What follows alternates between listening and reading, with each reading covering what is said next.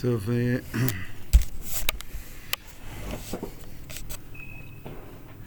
אנחנו אה, נעצרנו באמצע אה, תחילת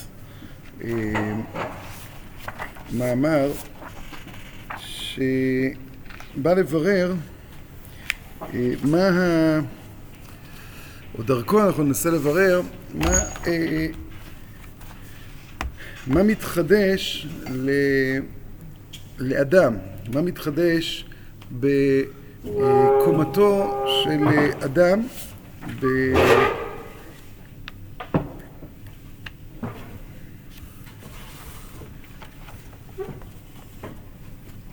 בארץ ישראל, במדינת ישראל,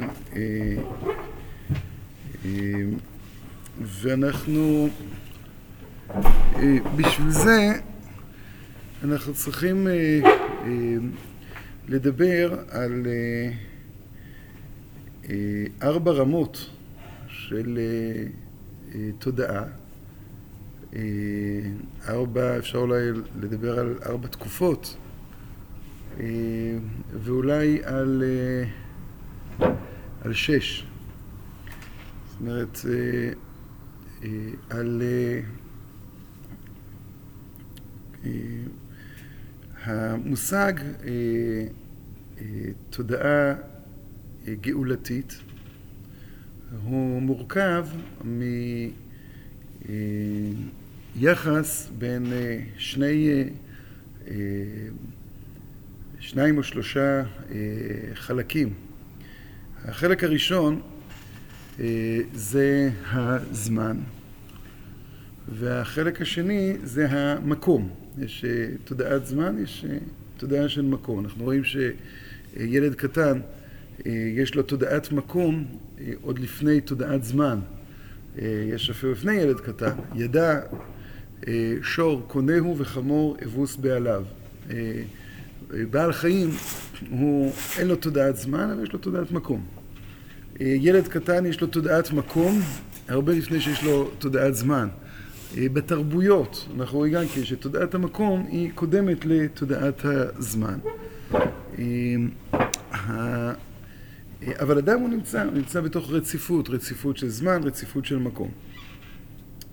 כשאנחנו מדברים על, על זמן בתור רכיב בתודעה, אנחנו נוטים לשייך את זה למושג שהאדם הוא תלוי תרבות, כי תרבות היא אחד, ה, אחד המנכיחים את הזמן שבו אנחנו נמצאים, המאוויים של תקופה, המובנים מאליהם של תקופה, ה,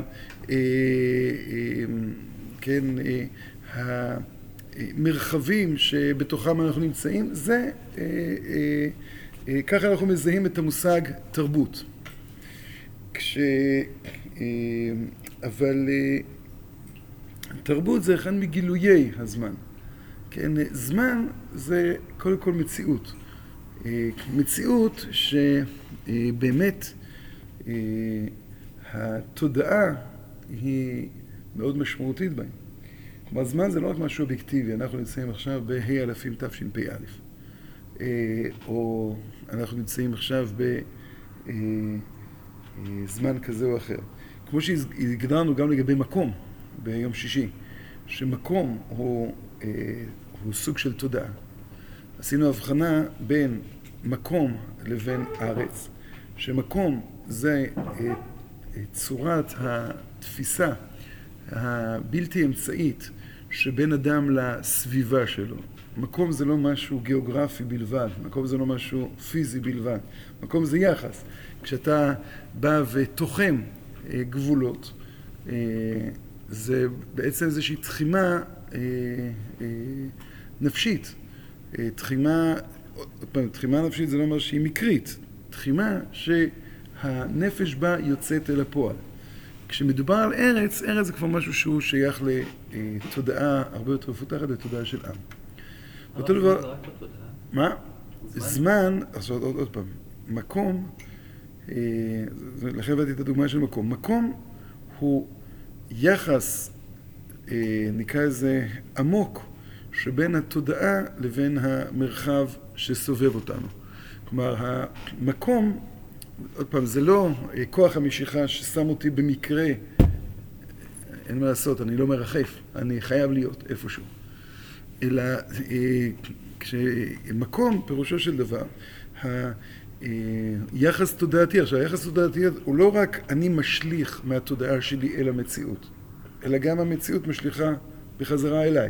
כשאומרים חן מקום על יושביו, אז אומרים יש משהו במקום שיוצר בי משהו, שחוקק בי משהו. הזכרנו את זה שחברה מודרנית היא פחות אה, מודעת לזה. כיוון שחברה מודרנית באמת המושג מקום הוא מאוד מאוד אה, אה, ארעי ומקרי. כן, אדם אה, בוחר את מקומו בצורה מאוד פונקציונלית ופחות קבועה ופחות עצמית. ארץ זה כבר באמת משהו שונה. הזכרנו גם שהציונים, המושג ארץ היה להם מושג מאוד בעייתי. המושג ארץ הוא, אה, אפשר לקרוא לזה כך, בצומת ההכרעות שבין עם ישראל לבין ארץ ישראל, אז הציונות הכריעה בעד עם ישראל. אה, אמרנו שזה, אמרנו שזה לא, שזה, לא הייתי אומר בעקבות, זה, אחרי מלחמת העולם השנייה זה מאוד התעצם, אבל זה גם היה קודם. אה, ודאי שכשצריך להגיע להכרעה סופית, להקים מדינה או לא להקים מדינה, או לקבל תוכנית החלוקה או לא לקבל תוכנית החלוקה, זה, זה מה שעמד שם בבסיס. אה, ולכן המושג ארץ בכלל הוא עדיין מאוד בעייתי בתודעה הגלויה שלנו.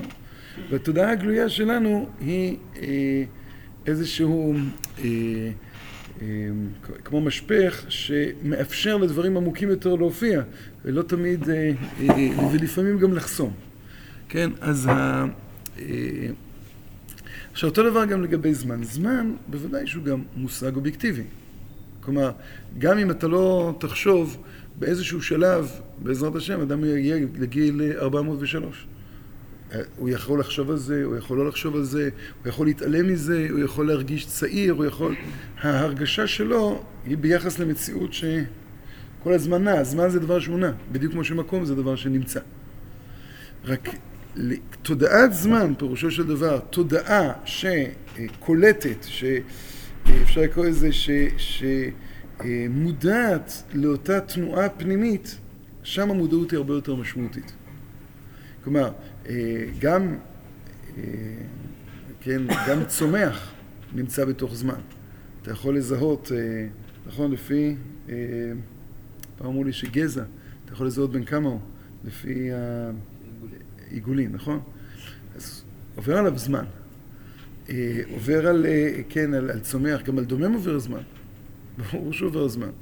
אה, זה לא, לא, אבל זה לא, זה, עוד פעם, זה זמן לא בתור, בתור, אפשר לקרוא לזה, הוויה מקרית ולא עצמית. כשמדובר על תודעה אנושית, תודעה אנושית היא כבר קולטת זמן. אנחנו חיים בתור זמן. במובן הזה יש לנו מצוות עשה, שהזמן גרמה, במובן הזה יש לנו אה, מקדש ישראל והזמנים. ובמובן הזה, כשאנחנו אה, מדברים על אה, אה, עבודת השם, עבודת השם אה, היא מופיעה דרך הזמן. כלומר, אה, תקופה, אה, ששת אלפים שנה שהעולם קיים, זה ששת אלפים שנה שדרכם חפץ השם יוצא אל הפועל. כן? והחפץ השם שיוצא אל, אל הפועל, בכל דור ודור, בכל תקופה ותקופה, בכל זמן וזמן, ואפשר לפרק את הזמן הזה לחלקים מאוד מאוד קטנים של רגעים לרגעים תפקדנו. בכל רגע ורגע יש אה, אה, יחס, אפשר לקרוא לזה חדש, לריבונו של עולם.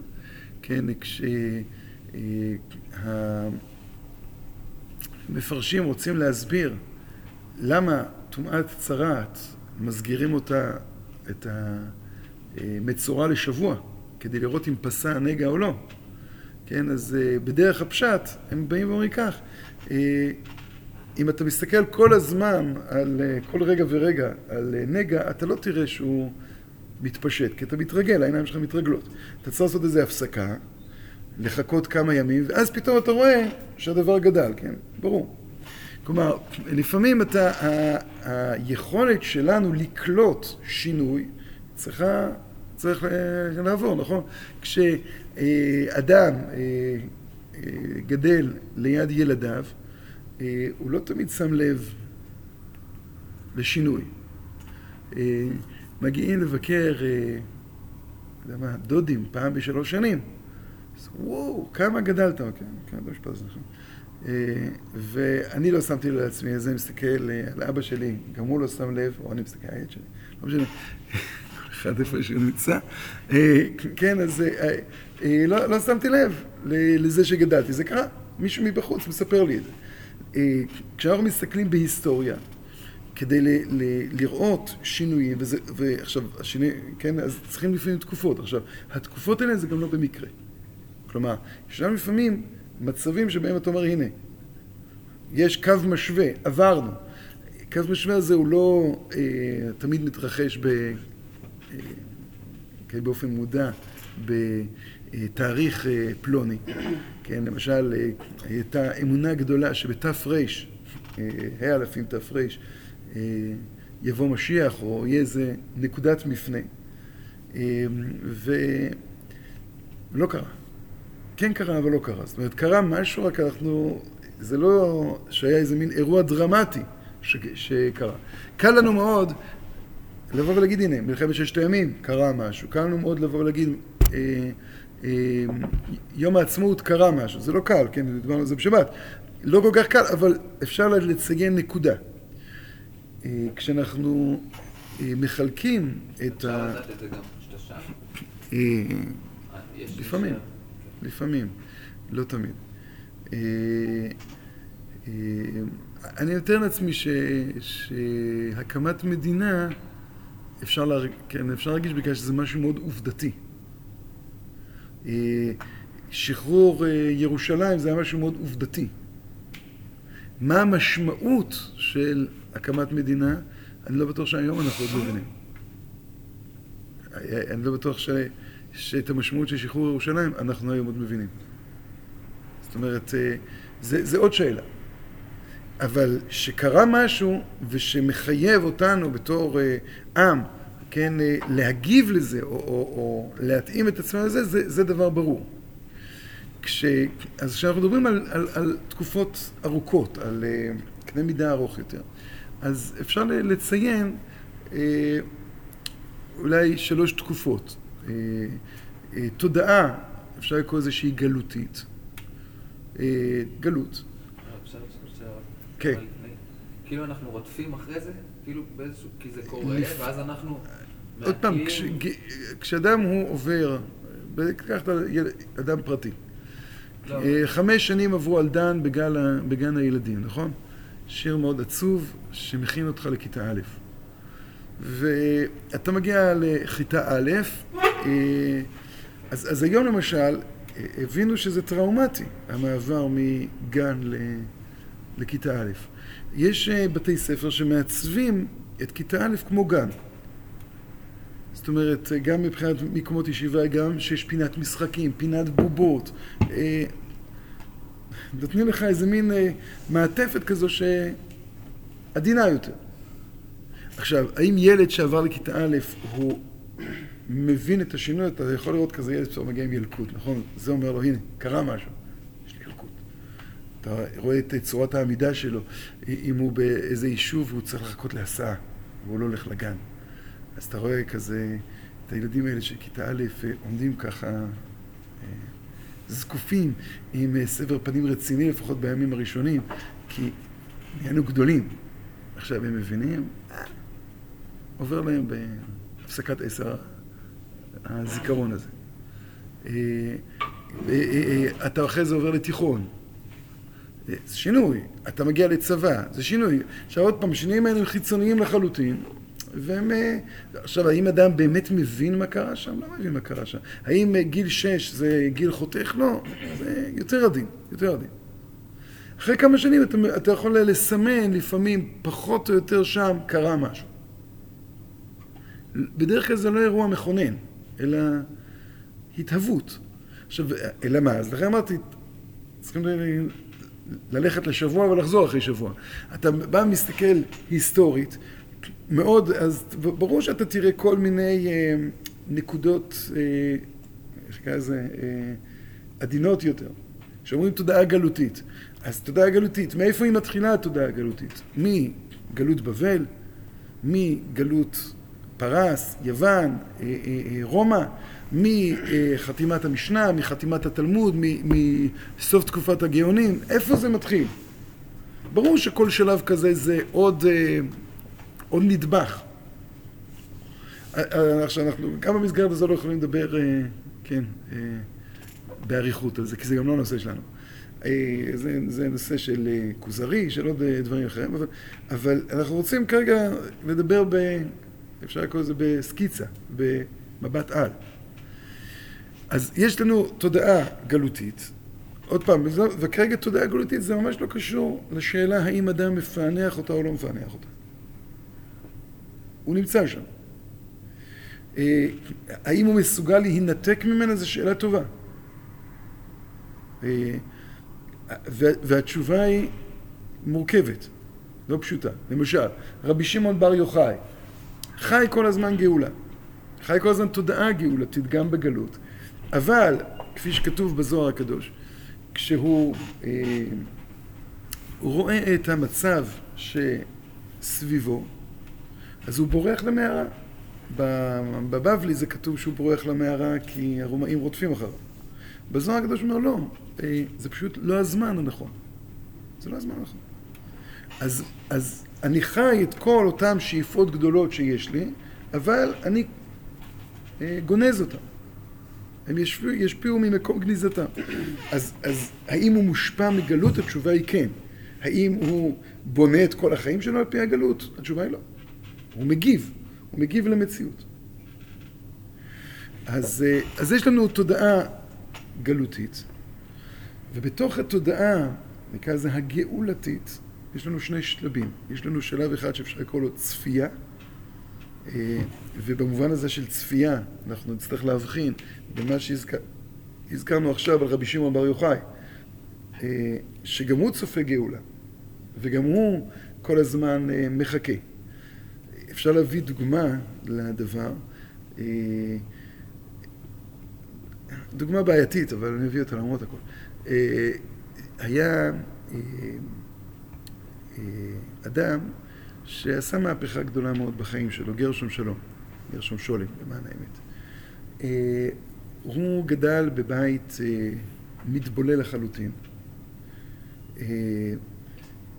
כשהוא החליט להיות ציוניסט, אז אבא שלו שלח לו מכתב שהוא מנשל אותו מכל נכסיו ואתה לא רשאי לבוא לבקר בביתנו. אחרי זה אבא שלו התרכך, לא משנה. אה, בסדר, אבל, אה, אה, אבל, אבל זו הייתה התגובה הראשונית. עכשיו, היו לו שני אחים. אח אחד היה קומוניסט, שהוא, לפי העדות של גרשון שולם, הוא אמר, לאומיות זה דבר קטנצ'יק, אני מחפש משהו קצת יותר נרחב מ... מהאופק קצר והמצומצם של לאומיות בטח יהודית. לכן הוא היה קומוניסט, נעצר על ידי הנאצים בתור קומוניסט ומת במחנה ריכוז. אבל עם זהות. זאת אומרת, הטיקט שעליו, אה, כן, אה, ש, ש, שעליו אסרו אותו זה קומוניסט, הסיבה שהרגו אותו זה קומוניסט. התודעה העצמית שלו בתור אה, מת, מת על אה, מזבח הקומוניזם. אח השני שלו, אני לא זוכר אם זה היה ב-1930 ו... היה לאומן גרמני.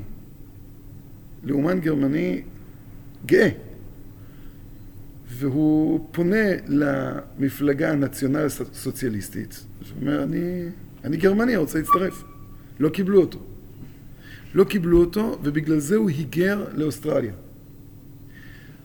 גרשון שונן כותב, ב-1971, רק שתבין, 71. למה הוא היגר לאוסטרליה? כי לא קיבלו אותו, הוא מאוד נעלב. אה. אה ב-1971, 71, הוא אומר לאח שלו, אני גרמני. אז גרשון שלום אמר לו, היטלר, זאת אומרת, תגיד לי, היטלר יגדיר לי מה זה גרמני? אני גרמני, הוא, הוא לא גרמני, הוא לא בסדר. אבל אני, אני גרמני. וזה, עד סוף ימיו הוא חי בתור גרמני, לא בתור יהודי. אפילו לא בן דת משה, כן? זאת אומרת, זה, זה הרקע המשפחתי. עכשיו, בן אדם מחליט לעשות משהו מאוד לא מקובל, להיות ציוני. והחליט לעשות משהו עוד יותר לא מקובל, והוא לא האמין ב... באלוקים, לא כלום, חקר את ספרות הקבלה. הוא נחשב אה, ראשון חוקרי הקבלה אה, בתור אה, מדע. עכשיו, מה זה עניין אותו? זה עניין אותו כי הוא אמר, בתוך הקבלה, אומר, כל, ה, אומר, כל המשמעות של ספרות הקבלה זה צפיות הגאולה של עם ישראל. והוא אומר, בעצם הציונות התחילה מהקבלה, ככה הוא מגדיר. כלומר, לא, לא בתור, אה, כן, אה, השפעה ממרום. הוא אומר, עם ישראל כל הזמן חי גאולה. זאת אומרת, אצלו המחקר המדעי היה חלק מהציונות שלו. כן, אז... אז... זה מגיע לזה מתוך המחקר או מתוך... ככה הוא התחיל את המחקר? אני לא כל כך ברור לי. אה, השאלה הזו. הוא התעניין אה, בקבלה מראש, אבל, אבל הוא זיהה את זה מאוד מהר. זה מאוד מאוד מהר. לכן למשל, אה, אחת התקופות האהובות עליו ביותר זה שבתאי צבי. כשאתה קורא את המחקרים של שבתאי צבי, כל רב שלא כתוב מפורש שהוא היה נגד, הוא בטוח היה שבתאי. כי שבתאות זה, זה, זה להפוך את הגאולה למשהו ממשי. ואז שאתה רואה אצלו, איך הוא, בכל מחקר, אתה ממש רואה איך הוא דוחף לשם. זה, זה מדהים. עכשיו, אז עוד פעם, הוא מתייחס לקבלה בתור ספרות חול, הוא מתייחס לקבלה, אבל הוא בא ואומר, הנה, יש בעם ישראל את, ה, את הדבר הזה. אה, אז, אז צפייה לגאולה, אני אדבר אבל לא במובן של תורת הנסתר, עכשיו, אה, באמת, אלא במובן הזה שצפיית גאולה הופכת להיות כוח פועל בעולם.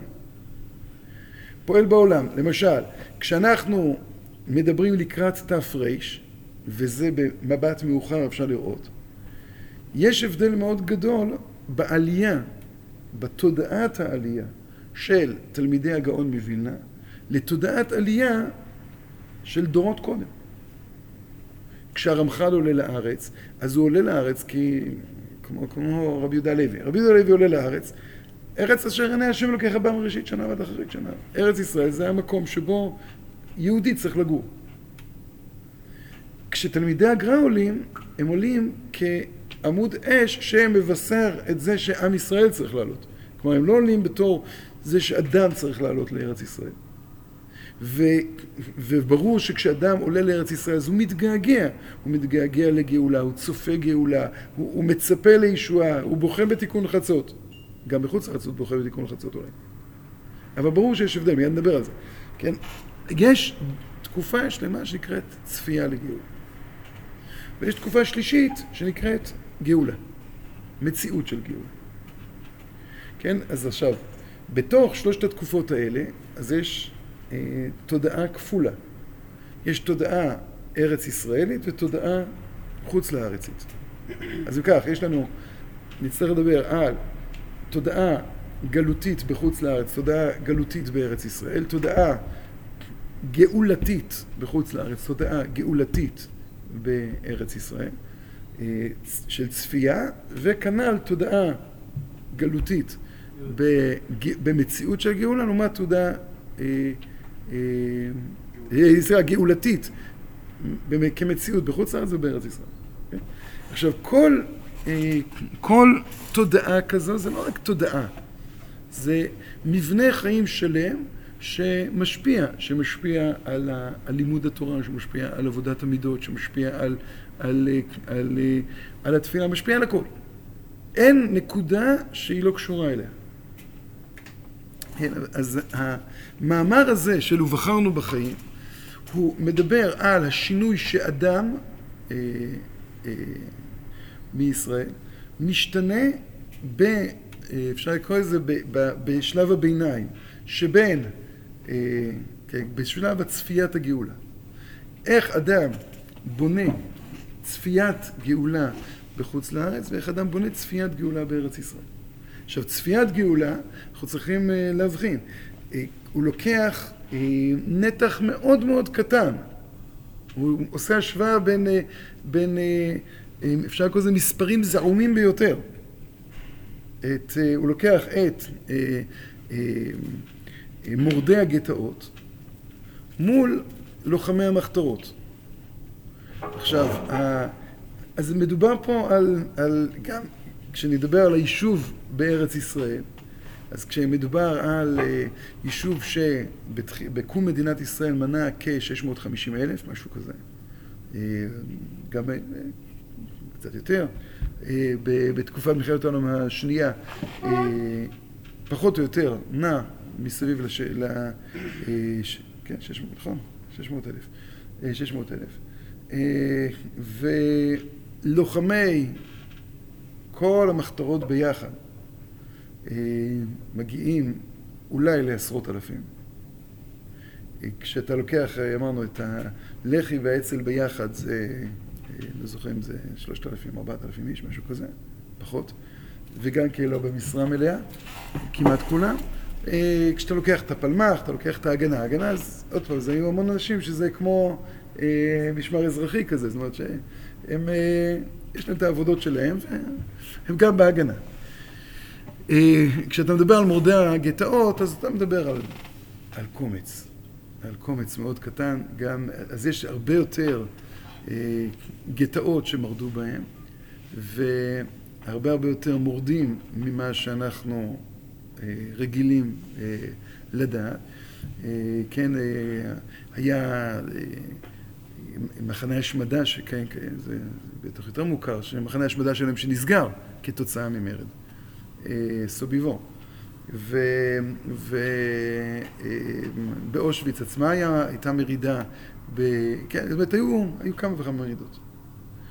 אה, ב... אבל, אה, וחלקם, כן, אה, בעצם אפשר להגיד על מרידה מוצלחת שם,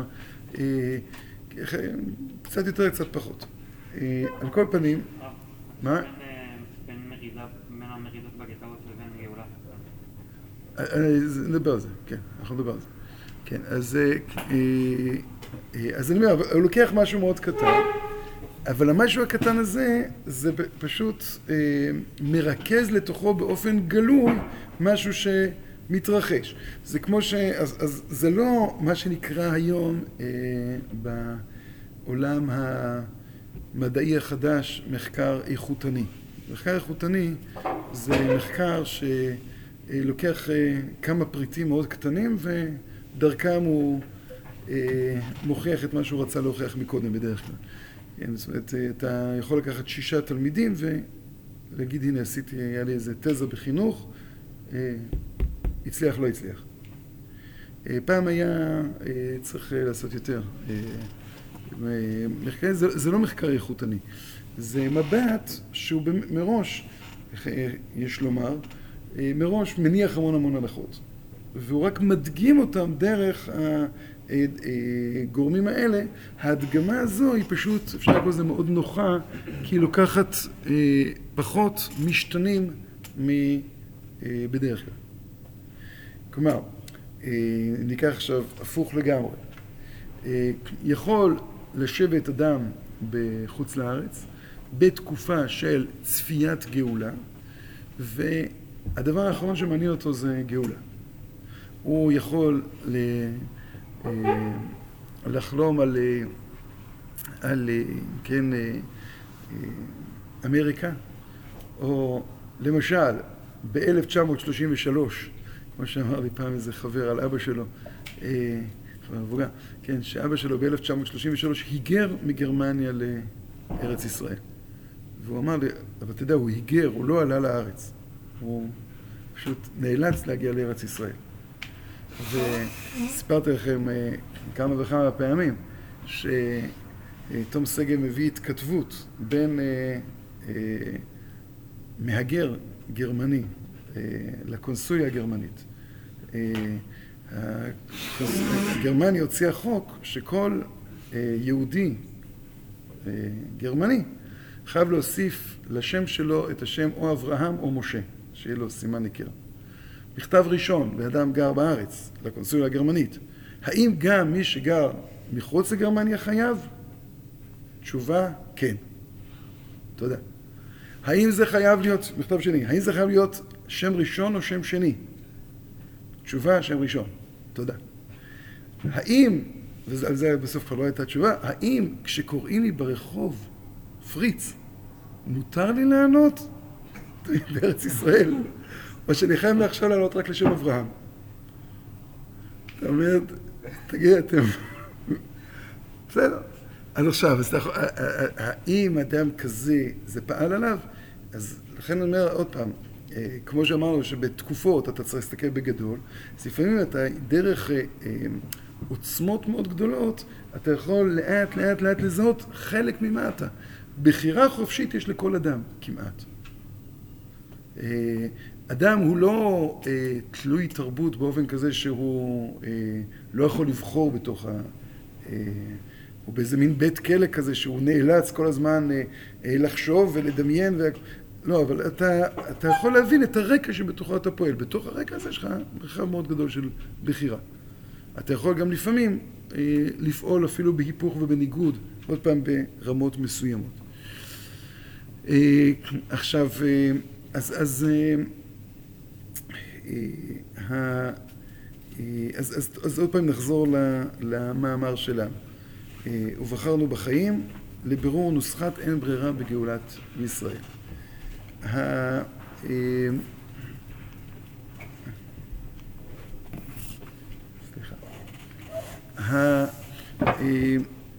אז אומר, אומר, אז, אז נתחיל כך, כשאדם הוא חי בגלות בחוץ לארץ. בגלות בחוץ לארץ, המרכז התודעה, מרכז התודעה של האדם זה הסובייקט. איך נתפסת האלוקות? אה, אה, פה זה רי"ז, בישנים זה קס. כשאדם הוא נמצא בגלות בחוץ לארץ, אז המרכז התודעה של האדם זה הסובייקט. עכשיו, איך הוא מתייחס לאלוקות? האלוקות עומדת אה, למעלה מן המציאות.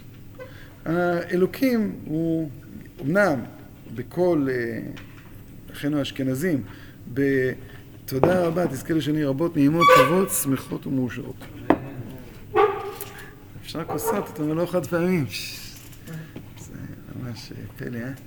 אה, אז, אה, אה, אז, אז כן, אדם, אדם תופס את ריבונו של עולם. אז אני אומר עוד פעם, אמנם בסוף ליל הסדר הוא אומר, אחד אלוקינו בשמיים ובארץ. ואומר כמה וכמה פעמים, שמע ישראל השם אלוקינו השם אחד, והוא אומר בלחש, ברוך שם כבוד מלכותו לעולם ועד, אבל ברוך שם כבוד מלכותו לעולם ועד זה מאוד מאוד בחשאי. כלומר, האחדות האלוקית היא לא נתפסת אה, בתור אה, הכוח המניע את המציאות. ריבונו של עולם, מרחוק השם נראה לי. שיר המעלות ממעמקים קראתיך השם. אדם נמצא, כן, אה, מרחוק, וכרגע השאלה היא לא רק שאלה תיאולוגית, כלומר, איך אתה, כן, מגדיר את, את התפיסה, כן, התפיסה שלך ביחס, אלא מה אתה חי. כשאדם, אה, אומר הרמב"ם, אה, אתה, אה, והביא דווקא דוגמה לא קיצונית, אומר הרמב"ם, כשאתה עכשיו רוצה את, לקיים את בכל דרכיך דאהו, אז אתה צריך להבין שאתה צריך להתכוונן אל ריבונו של עולם, ו... וזה יהיה המדד שלך לחיים. מה שנותן ערך לחיים זה האם אתה עכשיו דרך זה מתקרב לריבונו שלנו. ועיקר העיקרים של קרבת אלוקים היא נמצאת ברוח. כן, הרוח היא פחות נוכחת במציאות הראשונית של האדם. לאדם יש גוף, לאדם יש יצרים, לאדם יש אה, אה, עולם, אה, אפשר לקרוא לזה כמנהגו נוהג ועולם בנאלי לחלוטין. שם ריבונו של עולם לא מופיע. אה, כל העולם כולו זה איזה מין רקע להגיע למשהו שהוא, בשלב הראשון של האדם הוא נמצא מחוץ לעולם. וגם בשלב האחרון הוא נמצא מחוץ לעולם. האדם יכול לבנות אלטרנטיבה למציאות. למה? כי אלוקים הוא שם, אי שם בשמיים. ולשם אתה צריך לחתור, זה כל עיקרו של האדם. הדבר הזה מייצר אצל האדם שניות, שניות בריאה. כלומר, יש את הבפועל ויש את הבכוח, יש את הבפועל. כלומר, אני נמצא בעולם, ואני צריך לדאוג לסיפוק צרכיי, ואני צריך לדאוג לפרנסה, ואני צריך לדאוג ל, ל, אה, לס, לשרוד בתור בן אדם, בתור חברה. כן מתפלל לרפואה. רגע, רגע, רגע. ו, ואני צריך גם לקבוע עיתים לתורה, ואני צריך גם להתפלל, הכל נכון. עכשיו, כשאיפה, אה, עכשיו גם זה כמובן, זה מצוות, מלא מצוות, זה מלא, מלא ערך, לא רק מצוות במובן הטכני. ברור, הקדוש ברוך הוא רוצה שנתקיים. בנו בתים ושבו, ניטעו כרמים ודנותיכם תנו לאנשים, כבר אמר ירמיהו ברגע שגולים לחוץ לארץ. אה, אבל החלק הזה, החלק הזה הוא חלק שהוא, אה, אפשר לקרוא לזה, מחוץ ל... הוא, הוא, הוא פשוט נמצא. הוא פשוט חייב להיות. הוא כורח המציאות. האם ראוי שהוא יהיה? כן, אז כמו שה... אה, כשמגיעים למעלת הפרישות, שזה לא המעלה האחרונה במסילת ישרים, אבל אומר המסילת ישרים, כשישאלו את הפרוש מה הוא היה מעדיף, איך הוא מצייר את העולם, היה עדיף עולם ללא אכילה, ללא שתייה, ללא שינה. וככה מתואר עולם הבא אצל הרמב"ם, כן, חז"ל. עולם הבא אין בו לא אכילה ולא שתייה ולא עיפוי, כלומר, לא יהיו עייפים שם, זה כיף חיים. אה, ולא עיפוי, אה, אלא צדיקים יושבים ועטרותיהם בראשיהם ונהנים מזה בשכינה. אז העולם הזה הוא יכול לאפשר לנו להתכוונן לשם, אבל העולם הזה הוא לא העולם הבא. העולם הזה הוא במרחק, הוא הפוך מהעולם הבא.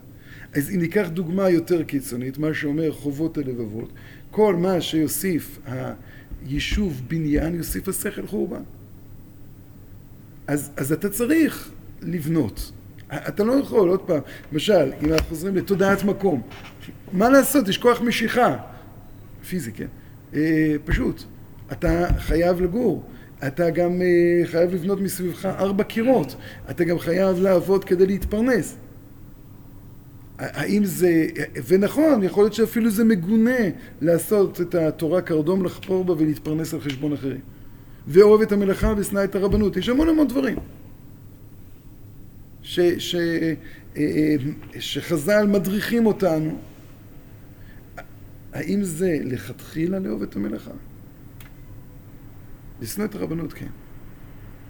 אבל לאהוב את המלאכה אז uh, יש לזה המון המון הסברים. למה צריכים לאהוב את המלאכה? מעט מאוד הסברים באים ואומרים שמלאכה זה דבר uh, uh, שראוי שיהיה בעולם.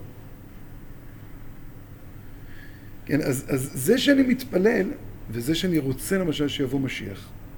עכשיו, אז, אז מה התפיסה הפשוטה? גם משיח, בתקופות מסוימות, הוא הפך מה שקורה היום. זאת אומרת, משיח זה משהו שהוא לשנה הבאה, משהו שהוא, אה, שהוא לא מניע לי את החיים כרגע.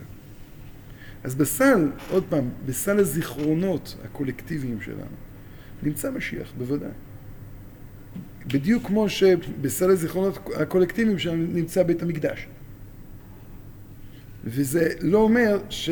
רוב העם ישראל קם בבוקר ומרגיש נכה כתוצאה מחסר של בית המקדש. אה, אפשר לצייר, אה, אפשר לצייר, כן, חגים ללא בית מקדש. נראה לי, לא? זאת אומרת, אה, כמה מאיתנו גומרים את ליל הסדר ואומרים, לא אכלנו קורבן פסח. כן, יכול להיות, אבל זה לא, זה לא אה, מעיב על שמחת החג. זה לא בא ואומר, לא קרה כלום. כן, אז, אז המציאות, כן, המציאות הזו של, של, אה, כן, של גלות, יוצרת תפיסה, עבודת אלוקים, של אלוקים שהוא חיצוני למציאות. אומר החובות הלבבות בתיקון המידות, שממילא הפרישות זו המעלה העליונה. מצד שני, נוצר, נוצרת בריאות מאוד גדולה. כי יש הבדל מאוד גדול בין מה ראוי למה שנמצא. ומה שנמצא, אתה עכשיו בונה תשתית מאוד בריאה. אני עובד, אני מתפרנס, אני שורד, אני רוצה לחיות. למה אני רוצה לחיות? לא צריך למסור דוח לאף אחד. משהו מאוד טבעי, פשוט. אין לי קושייה למה אני רוצה לחיות. כי אני פשוט נמצא. איזה בן אדם לא רוצה לחיות? אתה מתחיל לקרוא את הפסוק, מי האיש שחפץ חיים? מה זה מי האיש שחפץ חיים? יש מישהו שהוא לא חפץ חיים? כולם חפצי חיים. איזה מין, איזה מין שאלה זו? מי האיש שחפץ חיים? זו שאלה מוזרה.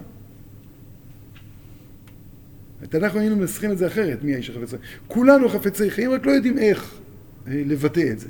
מי רוצה אה, לממש את שאיפת חייו? אולי, נצור שולחן רע. אבל דוד המלך לא שואל כך, הוא אומר, לא כולם חפצי חיים. לא באמת כולם חפצי חיים. באמת יש לו הגדרה כנראה אחרת למושג חיים.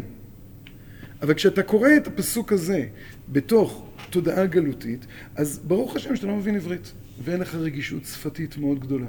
כי אחרת זה מאוד מביך, מה זה מי האיש שחפץ חיים? אתה מסתכל ימינה או שמאלה, תגיד, אתה חפץ חיים? ברור. פשיטה.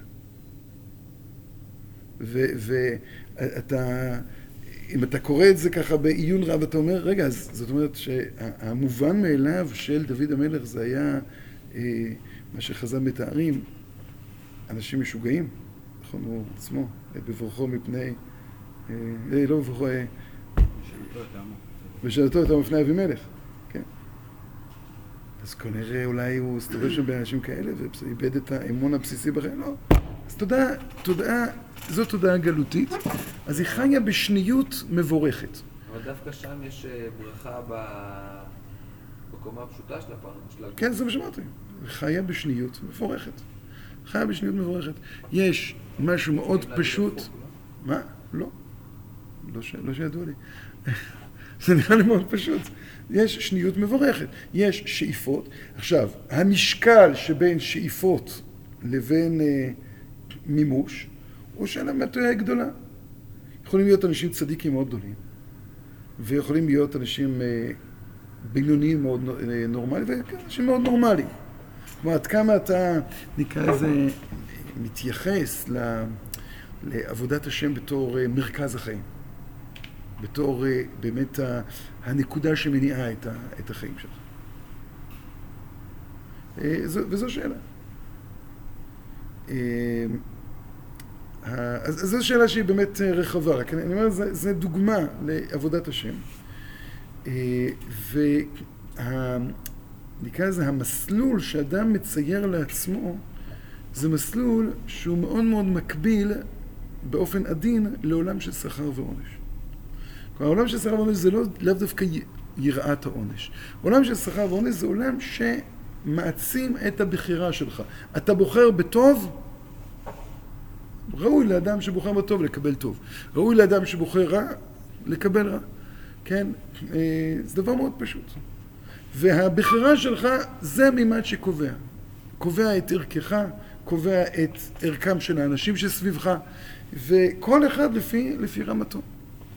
אה, אה, האם יש תקרה לבחירה, אין תקרה לבחירה, זה כבר שאלות אה, נוספות. אבל הבחירה זה, זה המרכז. אז, אז כשאדם בא ומנסה לבנות תורת מידות, אז הוא נע בין להיות אדם ישר וטוב לבין פרוש. כשהוא מנסה לבנות תפילה, אז תפילה זה באמת סוג של יציאה מגדרי העולם הזה. תפילה, קרבת אלוקים, זה אותם רגעים שבהם אתה בא ואומר, הבל הבלים הכל הבל, וכל האדם הוא לא נמצא פה, אלא כל האדם נמצא שם.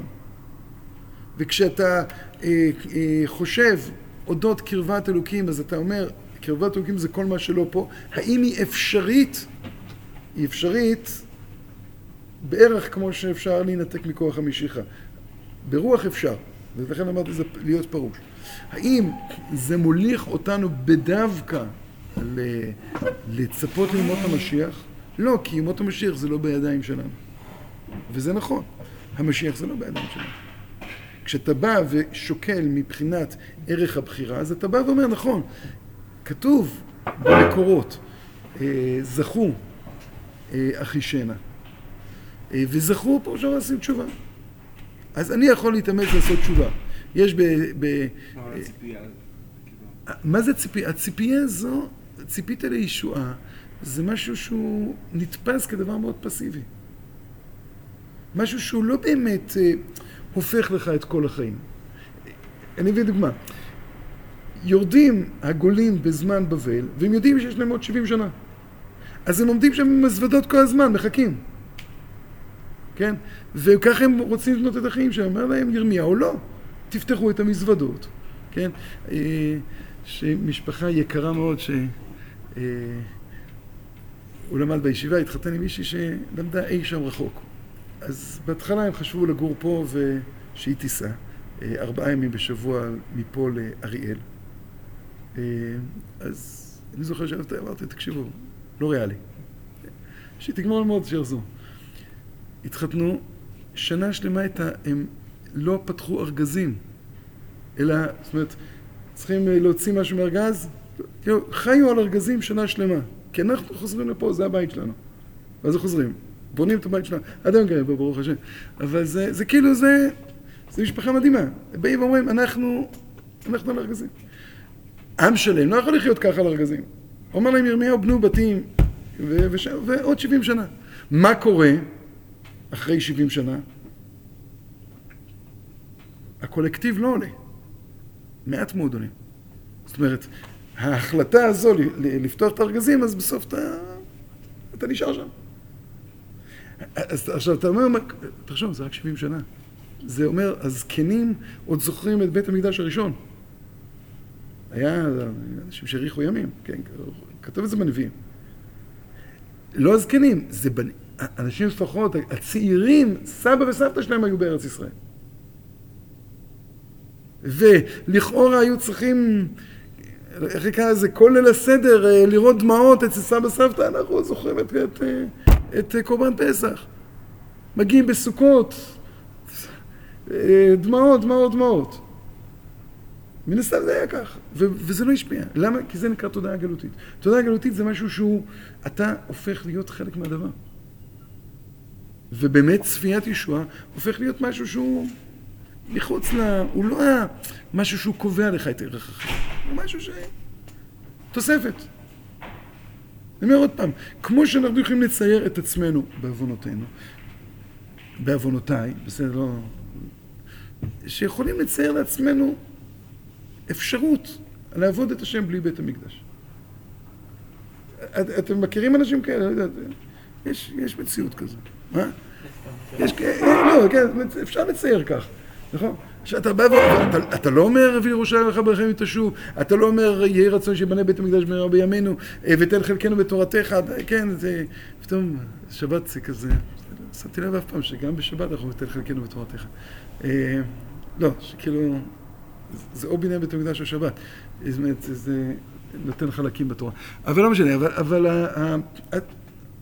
ואתה, אתה בא ואומר, הנה, אני עכשיו שאני לומד תורה, אין לי חלק בתורה, אין לי חלק בתורה, נורא ואיום. כי רק כשיבנה בית המקדש יהיה לי חלק בתורה. נורא ואיום, אז מה עושים? אפשר ללמוד עליו. אי אפשר, אפשר. אז, אז, אה, אז לכן אני אומר, אה, זה מבנה. מה קורה בתודעה גלותית כשעולים לארץ ישראל? סליחה, ברוך.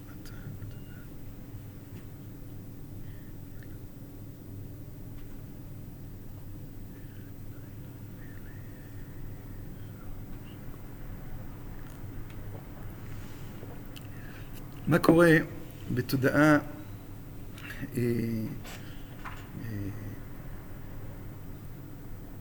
כן, גלותית כשעולים לארץ ישראל. אז עוד פעם, אתה עולה בתור יחידים. אבל בארץ ישראל היחיד, כן, הופך להיות משהו אחר. אנחנו גם רואים את זה במכתבים של אה, הרבה מאוד עולים. הוא הופך להיות משהו אחר. אנחנו ראינו, אדם מקיים מצווה בארץ ישראל, זה פי עשרים ממה שהוא מקיים בחוץ לארץ. אז אמרנו, לא יודעים בדיוק מה, מה זה אומר, אבל מה, למה לוקחים את הביטוי מצווה? מצווה היא אה, היחס שבין העתיד לבין ההווה. זאת מצווה היא בנויה תמיד על שלוש קולות. מצווה היא נובעת מעומק העומקים של המהות של האדם, כפי שהוא, זה ראוי להיות, כפי שהוא בעצם עתידי.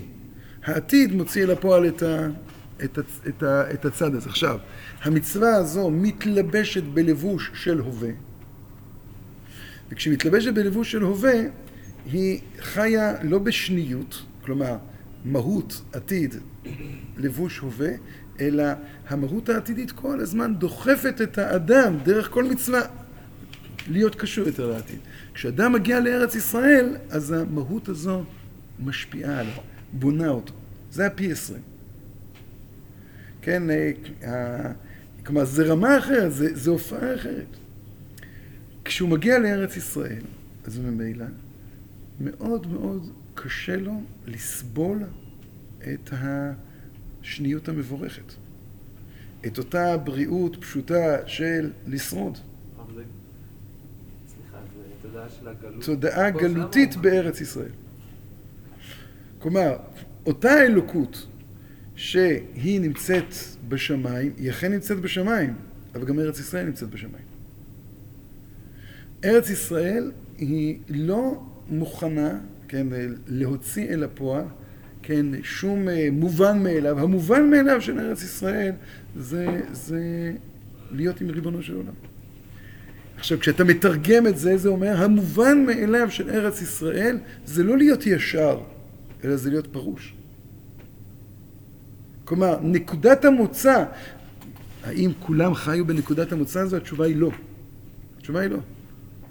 כשאנחנו בוחנים את הבפועל, יש לנו כל מיני מיתוסים אה, על אה, תקופות מאוחרות יותר, מה שנקרא היישוב הישן. אה, אז מה המיתוס שלנו על היישוב הישן? שהיו, נעו בין בטלנים לאומרי תהילים וקצת לומדי תורה, אבל בעיקר, בעיקר מהמכנה המשותף בין כולם, נתמכו על ידי צדקה, נכון? מכירים את ה... זה הגרסאות הרשמיות של ההיסטוריה. שזה לא נכון, עובדתית. זאת אומרת, עובדתית, אה, אה, גם המושבות הראשונות אה, נתמכו על ידי צדקה, בדיוק באותו אופן. ובדיוק באותו אופן גם בתוך היישוב הישן היו חלק שעבדו וחלק שלא עבדו.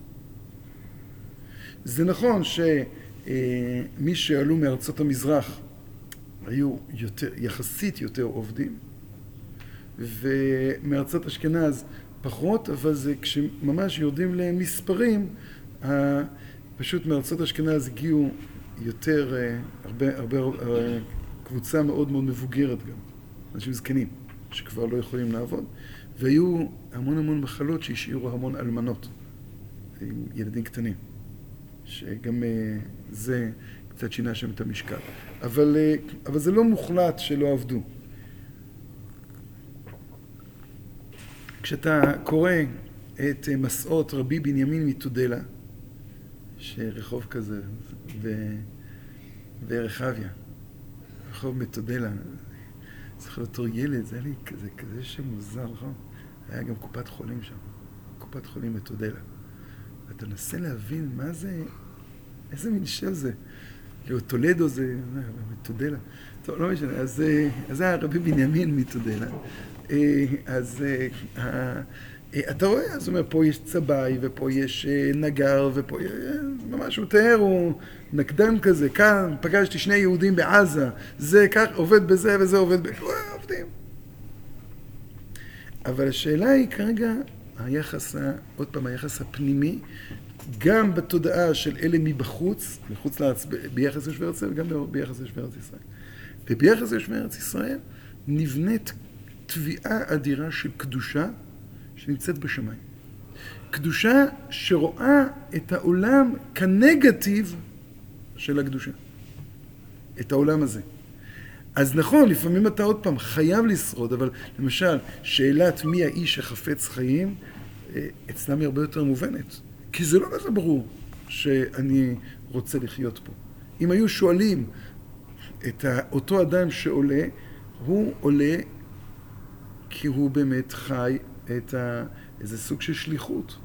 הוא חי בעד כל עם ישראל. כשקוראים מכתבים, תקראו פעם אצל אברהם יארי, אה, שליחים מארץ ישראל ומכתבים מארץ ישראל, אז אתה רואים שם ממש שאנשים שבאים ואומרים, אנחנו לא מקבלים מכם צדקה, אם אנחנו מקבלים. אנחנו, אנחנו, אנחנו בשבילכם פה, אנחנו מתפללים בשבילכם, אנחנו לומדים תורה בשבילכם, זה לא בשבילנו בכלל. יש אנשים שצריכים להיות פרושים בעולם. עם ישראל כעם צריך להחזיק, איפה מחזיקים את הפרושים? בארץ ישראל, ולמה מחזיקים את הפרושים בארץ ישראל? כי בארץ ישראל, באמת המובן מאליו, מבחינה תודעתית ומבחינה מציאותית, זה ש, שריבונו של עולם הוא המרכז, הוא ההוויה.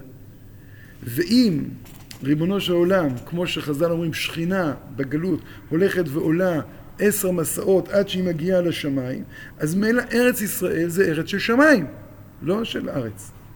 זה ארץ שכולה שמימית. עכשיו, זה לא שאנשים דמיינו. אצל הנוצרים באמת היו המון דמיונות. אה, יש אה, סינדרום ירושלים. של אה, דמיונות, איך, איך ארץ ישראל צריכה להיראות. הם ידעו טוב מאוד שארץ ישראל היא ארץ קשה לפרנסה. הם ידעו שגם צריכים להתפרנס. זה לא שהם חשבו ש... כן, ארץ ישראל היא... היא כן, היא נמצאת באיזה מין אה, ארמונות של זהב בשמיים ועל גבי האדמים. זה לא, זה לא היה התודעה של אה, אנשים אה, שעלו לארץ. הם ביררו... מה? האתיופים זה... מצאת איזה קהילה, כן, חשבתי, אבל כשאתה מדבר על אנשים מאירופה, מארצות המזרח שעולים, הם לאן הם עולים. ביררו גם קודם, אתה רואה מכתבים שלמים.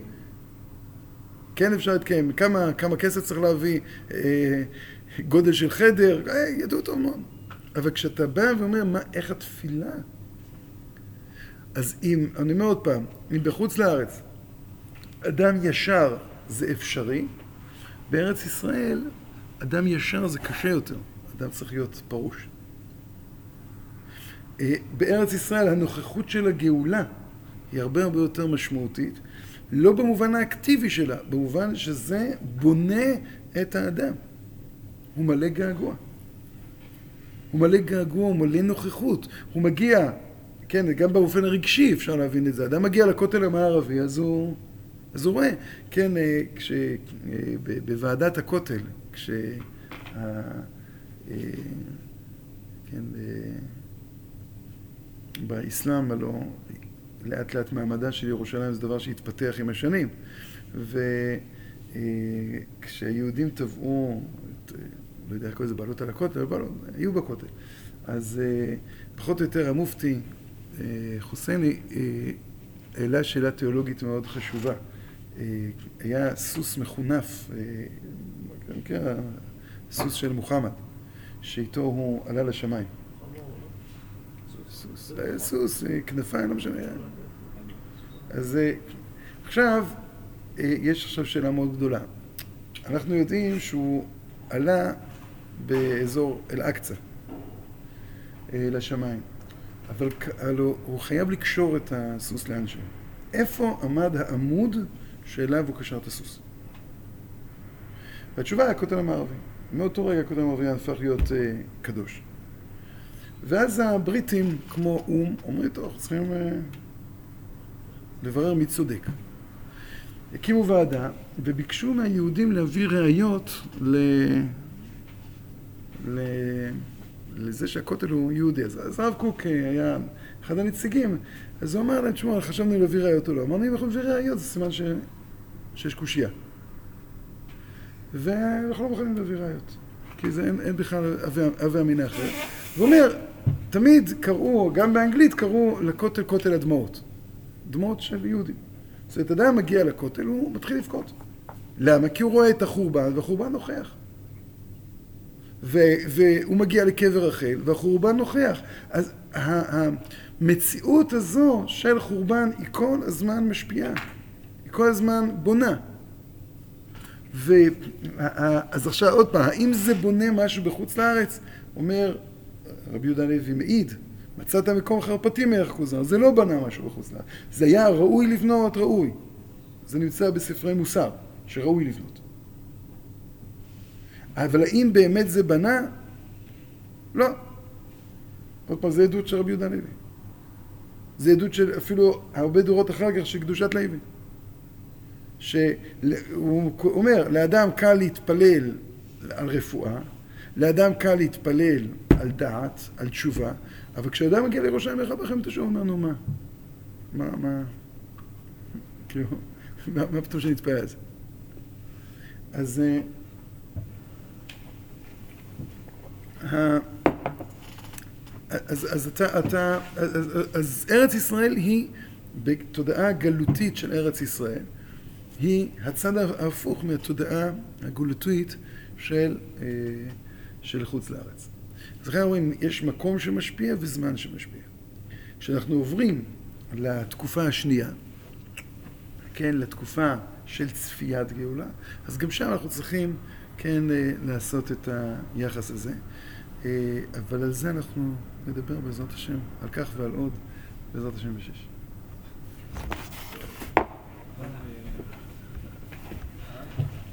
כן. מה?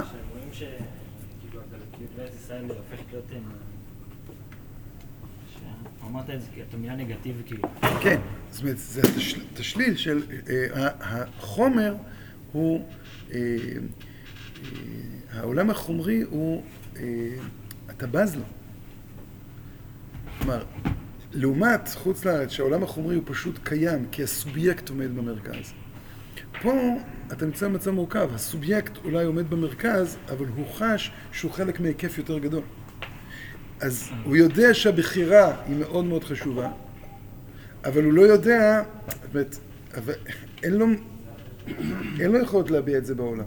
אז, אז הוא מנסה לברוא לעצמו כנפיים.